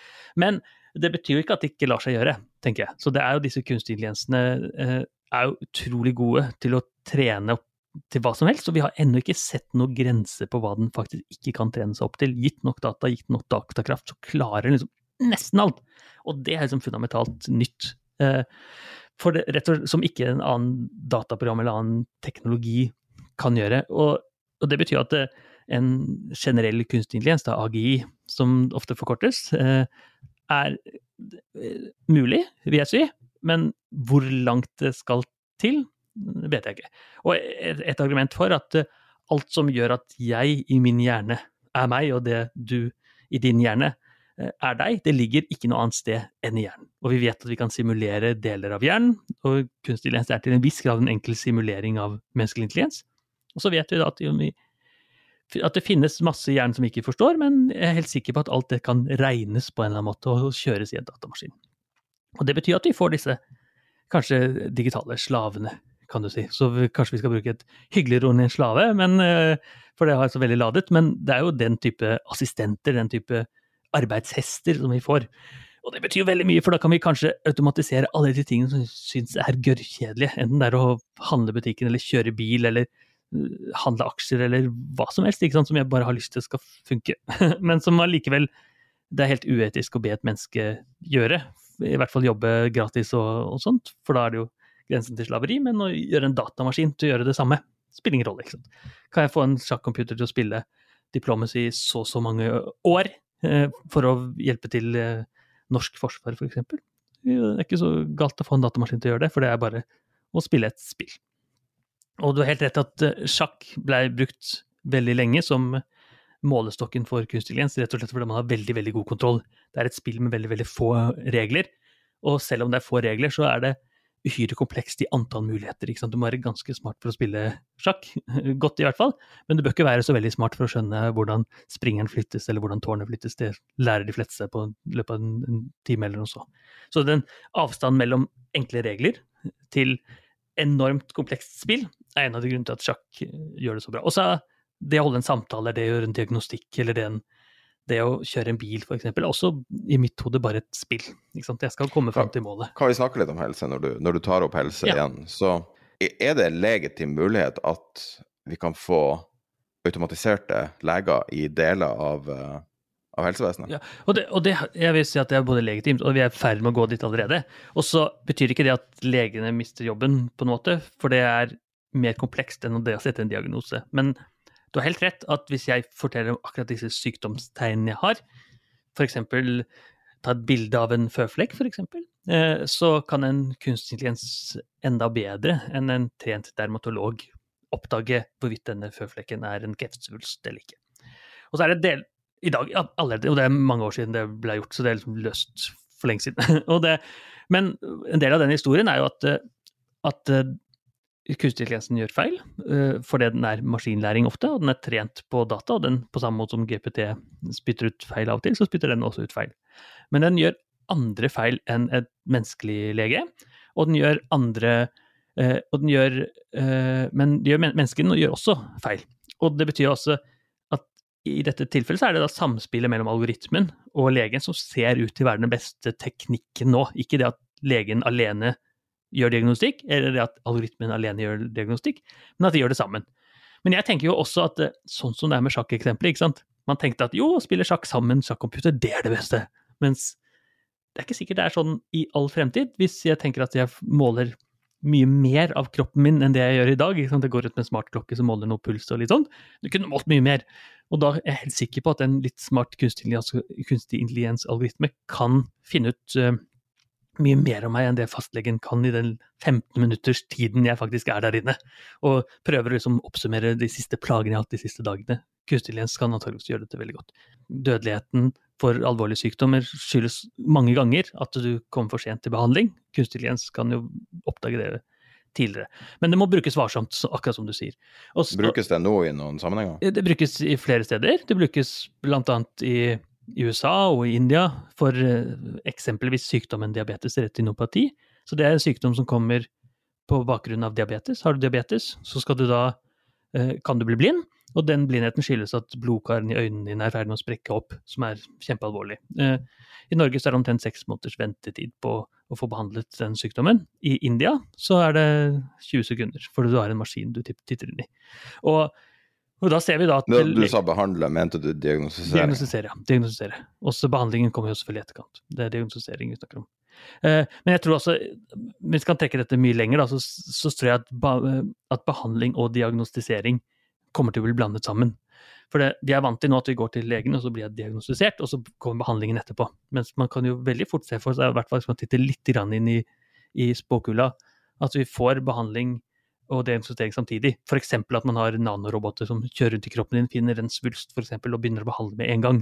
Eller retinopati, da. At man begynner å eh, plukke opp blodårene som er i ferd med å sprekke, og behandler de med en gang. Uh, en sånn Det høres veldig science fiction ut. Ja, det kan det være. Så disse nanorobotene som kjører rundt, er litt science fiction. Men teknikken er der egentlig allerede. Og så er det blant annet sikkerhetsaspekter og sånn som gjør at vi ikke har det i dag. For det, vi vil helst ikke at de robotene skal gjøre feil, og de gjør ofte feil. og vi vil helst ikke være den første eller andre som er med på en sånn prosess. Bare et eksempel er sånn Neuralink, som også kom fra Musk, sant, som hadde en idé om å koble seg til eh, nervene på, i hodet. og hjelpe slagpasienter osv. Og, så eh, og det funker ikke så bra akkurat nå, for det, de apene overlevde ikke, og det var vanskelig å legge dem til lading om kvelden og masse sånne super barneproblemer. Men allikevel, den type vei å tenke som er eh, vår kropp koblet mye mer til teknologi, eh, er, eh, er jeg helt sikker på er framtiden. Og det betyr en veldig endring av legeyrket. Men sånn rent praktisk, sånn som det er i dagens teknologi, så ser vi både i retinopati som vi snakket om, men altså at legene, i hvert fall i noen andre land, bruker kunstig intelligens som en sparringspartner. Altså jeg ser på en uh, type røntgenbilde, og så istedenfor å spørre en annen lege om eh, en second opinion på det, så spør de en algoritme om det, og så sier den jo, akkurat her ser jeg en svulst, f.eks. Som en sparringspartner. Og det er jo veldig realistisk at det også blir en del av norsk helsevesen. Eh, kan vi gå litt tilbake til datasett, bare et enkelt spørsmål om det. For du sa at den skanner, altså i OpenAI sitt tilfelle, så har de skanna hele internett. Eh, men er det noe, altså, noe ideale når det kommer til antall datasett, størrelse på datasett, for å unngå den støyen som skaper unøyaktighet og usikkerhet osv.? Har du sett på det? Ja, altså antall, mengden data handler om hvor komplekst problem man skal løse. Så det, det må ligge i de dataene det mønsteret som du er interessert i å finne. Og det betyr at hvis du skal løse noe enkelt, så trenger du lite data. Skal løse noe avansert, sånn som å holde en samtale, så trenger du mye data. Og kunstig intelligens trenger mye, mye mer data enn det vi mennesker trenger. Så det er ikke noe begrensning å si at du må ha minst så mye, du må ha alltid mer. Det er litt sånn hvor langt er et tauspørsmål? Jo, jo lenger, jo bedre. Det spørs litt akkurat hva du skal bruke det til. Det må være langt nok til at det er nyttig. Og så er det er det sånn at eh, den støyen Det er forskjellige former for støy. da, Vi skiller gjerne mellom det som heter støy og bias. Støy er bare sånn Det er et eller annet feil i dataene. Det er eh, en person som kanskje ikke burde vært definert som det. Det kan være et eksempel på en, en som ikke har fått jobben, men som burde ha fått det. Sånn type bare sånn tilfeldigheter, egentlig, i dataene. Og da er det sånn dytt på nok data, så løser kunstig intelligens det. Da finner, fjerner all dette støyet. Men så er det bias, og bias er egentlig at det er et systematisk feil. Så det betyr at f.eks. at kvinner ikke er så ofte mellomledere, skyldes ikke at det bare tilfeldigvis har blitt sånn. Det er et eller annet systematisk feil i vårt samfunn som gjør at kvinner aldri blir mellomledere på samme måte som mennesker. Og da spiller det ingen rolle hvor mye data man dytter inn. Kunstig intelligens plukker bare opp det som en trend. Og, og det, det fins ikke noen magisk måte å tenke at jo, kvinner kan også være mellomledere, selv om de aldri er det i praksis i datasettet. Nesten aldri, i hvert fall. Mens f.eks. konger alltid er menn, som er helt legitimt å si også i dag. Uh, som er da en sånn kjønnet måte å tenke på. Om det finnes objektiv sannhet? Noen ting er jo åpenbart sant. At uh, tre er et primtall og to pluss to er fire og sånn, er sant. Men så er det de fleste sannheter, da, igjen i hermetegn, avhenger jo litt av kultur og litt av bakgrunn og, og vår forståelse. Det som vi tenkte på er som sant i dag var ikke sant før. Sånn som at eh, slaveri er en uting. For 400 år siden så var det eh, absolutt en del av vårt samfunn. Det at eh, menn og kvinner behandles likt, er en sannhet i dag. Og det var ikke sånn for godt over 100 år siden. Så vår forståelse av hva som er sant, endrer seg absolutt hele tiden. Og det er et problem. For det, det betyr at eh, når kunstig trenes opp med historisk data, så er det de historiske dataene som også preger den sannheten som kommer ut av eh, dataprogrammene. Altså, når jeg snakker med ChatGPT og jeg ber den stille meg stille, spørre om etiske spørsmål, så vil den bare være basert på de dataene som er dyttet inn, og vår evne til å trene den kunstige intelligensen. Og da er det opp til Microsoft, eller IBM eller Google eller hvem enn som trener algoritmen, til å faktisk bedømme hvilke datasett som er relevante. Da. Når de da velger å gå på engelsk Wikipedia ikke norsk Wikipedia, tydeligvis, så velger de at jo den kilden som ligger i engelsk Wikipedia, får en større sannhetsverdi enn det jeg har skrevet i min norske Wikipedia, f.eks. Eh, det kan være veldig problematisk, for det betyr at eh, kanskje står det mye, mer om, eh, mye mindre om la oss si, mitt lokalsamfunn, Arendal kommune, i engelsk Wikipedia enn i norsk Wikipedia, også, da. mens det står mye mer om f.eks. amerikanske byer. Og da blir ChatGPD veldig mye flinkere på akkurat de dataene det er trent på. Jeg tenker bare på det, det, klassiske, moderne eksempelet som er hvis du spør Google om menn kan bli gravid. Ja. Hva svarer Og det er jo Altså, han sier ja. ja. Og, og, det er jo et valg de har tatt. Eh, helt åpenbart. Ja, det, det, må det være, fordi at den problemstillinga der er jo et stor debatt i samfunnet. Men det er jo liksom eh, og, og, det er jo igjen, altså Det er derfor jeg, jeg prøver liksom å spørre deg er det her en digital slave. For det, det her er ikke et noen som, som er over oss. Det er en undersått. Ja, ja, definitivt en undersått. Og, er... og, og, jeg sier ikke det, jeg spør egentlig. Ja, ja. er, er, det en undersått? ja, det, ja, det, er klart det. Men det, det, er kanskje begge deler. For det er jo en undersått i det at den bare gjør det vi sier. Jeg kan be den gjøre hva som helst, og den gjør det uten at den, det er noe etisk problematisk med det, for det er tatt opp fram. Mens den er jo oversått, det er det motsatte undersått, det er jeg ikke sikker på. Men for det den er for det, det er jo disse store tech-firmaene som har bestemt akkurat hva som er greit og ikke greit. Så ditt eksempel 'kan menn bli gravid' er et godt eksempel. ikke sant? For det er basert på en holdning som, som er eh, gjengs mange steder, men som er litt kontroversiell andre steder. Og så velger Microsoft å si at jo, akkurat dette skal vi svare på. På samme måte velger de Er, er det ikke spurt ChatGPT om det? Nei. Kan prøve. Det, jeg tipper at den er litt sånn woke og forteller eh, for, Kommer med en sånn litt eh, uh, rund formulering rundt Nei, står det her. Ja, ok. Det var rett på.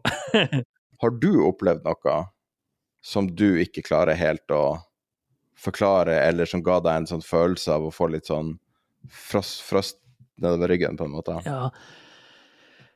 Om jeg har eh, Ja, jeg har fått masse eksempler hvor kunstig intelligens har oppført seg ganske sånn eh, overraskende bra. Eh, et eksempel var når jeg hadde en, en samtale eh, med en NRK-journalist. og Ideen da var jo at vi skulle trene opp en, en chatbot til å etterligne hun. Så eh, Louise heter hun, og er en seriøs journalist. Så tok vi alle de dataene hun har dyttet inn i Facebook gjennom alle sin tid, og trente opp en robot helt fra bånn av. Dette var før ChatGPT, så folk visste ikke så mye om hva chatbot var, men vi beviste det, da. Så dyttet vi det inn i en, en robot, trente den opp, og så intervjuet hun seg selv. Og så spør hun veldig sånne hyggelige ting som 'er du glad i meg?' Så svarer roboten jo, jo. Eh, love you, og litt sånn koselige ting, og så spør hun hva skal vi drive med til helgen, og så svarer roboten vi skal på fest, for faen, svarer roboten. Og, og, får liksom panikk gjennom eh, ryggen min, for det, hvorfor banner den? Jo, det er jo ikke Selvfølgelig har jeg ikke programmert den til å banne, men den er jo trent opp til å etterligne hva en Louise fra seg på Facebook. Og det virker hun selv får en litt sånn skrekk, for tenker dette, var jo, dette er som å høre meg selv snakke. Og så vet jeg jo selvfølgelig, som har lagd algoritmen og vet alle detaljer rundt det, at det, det, er jo bare en litt avansert uh, statistikkmodell, men allikevel funker så bra. Og det store spørsmålet er om vi mennesker er noe annet, ikke sant? Jeg, ja, ja jeg, det, det, var mitt neste. Vi er, er vi en avansert statistikkmodell? Ja, jeg, jeg føler jo tidvis at jeg er det. Jeg tenker at vi mennesker ikke er noe annet enn en algoritme, bare en avansert algoritme. Og så er det mye i den vi ikke forstår, men ikke noe mer enn bare en mye mer kompleks metode enn det chat-GPT er. Og så skal det sies at gjennom alle tider så har folk sammenlignet mennesket med den mest avanserte teknologien. Folk sammenlignet mennesket med dampmaskinen da den var dampmaskinen var hot, og nå sammenligner vi med datamaskiner, og så etter hvert så sammenligner vi mennesker med algoritmer. Men i mitt hode så er det vi er noe som er trent opp. Vi har et eller annet som følger med fra fødselen av, som er en selvbevissthet og en viss form for intelligens og en måte til å lære på. Og så klarer vi å etterligne en del av de tingene i datamaskiner, som ChatGPT f.eks. Og det, å, det, det, med intelligens er jo da ser ut til å ikke være forbeholdt oss mennesker, kreativitet heller ikke. Og i tillegg så blir det jo en gratis ressurs, ikke sant. Jeg kan få intelligens på en billig penge, rett og slett fordi jeg kan spørre GPT om eh, svar som jeg egentlig måtte spørre studenter om for eh, få år siden. Og kunstig intelligens er jo i ferd med å endre hele den delen av verden. Altså hva er intelligens og hva er ikke intelligens? Jo, noe vi kan kjøpe for en billig penge på internett. Du ser jo ting som roadmaps, og du, jo, du, du sitter jo med det tilsynelatende hele tida, så du, du, har vel sett litt om hva man forventer om framtida, da. Ja. og nå er det jo det notorisk umulig å spå. Men ut fra det du har sett når det kommer til hardware, software Ja. og planer, hva, hva er det vi har i vente? Ja, det er veldig mye. Jeg hadde jo en podkast for litt siden, i en podkastserie som jeg har, hvis jeg får lov å reklamere for den, som heter Game Over, hvor vi brukte en time på å spå fremtiden på fem år. og, og eh, Nei, ett år og fem år frem i tid. Og det har jeg gjort hvert år i mange år tilbake. Og så går vi tilbake og titter hvilke av de spådommene eh, stemmer og ikke stemmer. Og jeg tenker fem år frem i tid, da, som ikke er så veldig lenge, det er liksom akkurat innenfor den muligheten hvor ting ikke er så diffust, så tenker jeg det at vi klarer å få en robot som er så god til å snakke at vi er helt overbevist om at den er et menneske. Altså bestå Turing-testen kommer til å skje veldig snart. Jeg er helt overbevist om at helseverden kommer til å endre seg drastisk fremover, rett og slett fordi kunstig intelligens er så god til å diagnostisere, så god til å hjelpe mennesker, enten det er som et verktøy som legene har, eller som små, enkle roboter som kan svømme rundt i kroppen og f.eks. operere på svulster eller finne nervetråder som ligger i klem, helt automatisk, og er på mange måter løsningen til helsekrisen vi er i, ser jeg for meg. Og så eh, i tillegg det å gjøre DNA-analyse ser vi kunstig intelligens er veldig veldig god på. Og hvis vi kobler det til andre teknologier, sånn som CRISPR f.eks., som kan klippe og lime litt i DNA-et, som gjøres manuelt i dag, og hive på litt kunstig intelligens der, så kan vi kanskje finne enda mer avanserte genstrukturer, som både for eh, mat og i form av planter og dyr, men også for oss mennesker. Og ikke minst krig tror jeg er noe som kommer til å bli voldsomt endret pga. kunstig intelligens. Vi ser autonome roboter skyte allerede i dag, og en mye mer teknologisk eh, krig, både cyberkrig og fysiske robotkriger, eh, kommer til å være en del av fremtiden når vi da møtes gjennom fem år og ser tilbake på de siste fem årene med kunstig intelligens-endringene som har skjedd. Hva er din eh, odds på Grey Goo, da? Eh, Eller tror du Grey Goo eller Binders tar over? Begge basically spiser jo jordkloden Ja. til slutt. Ja, nei, jeg tror Binders-eksempelet som handler om da at hvis du gir kunstig bare poeng i form av at du, du skal produsere så mye binders, at den gjør alt mulig, gjør oss mennesker til slaver osv., er eh, en av de litt sånn teoretiske eksemplene hvor vi ikke vet svaret, og vi har egentlig ikke noe godt svar for å si hvorfor den ikke skal ta over jorda og gjøre alt sammen for å bare lage binderser, eller, eller Gregu, som du snakker om. Og, men jeg er ganske sikker på at vi kan sette en stopper for mye av det, eh, men antageligvis ikke alt.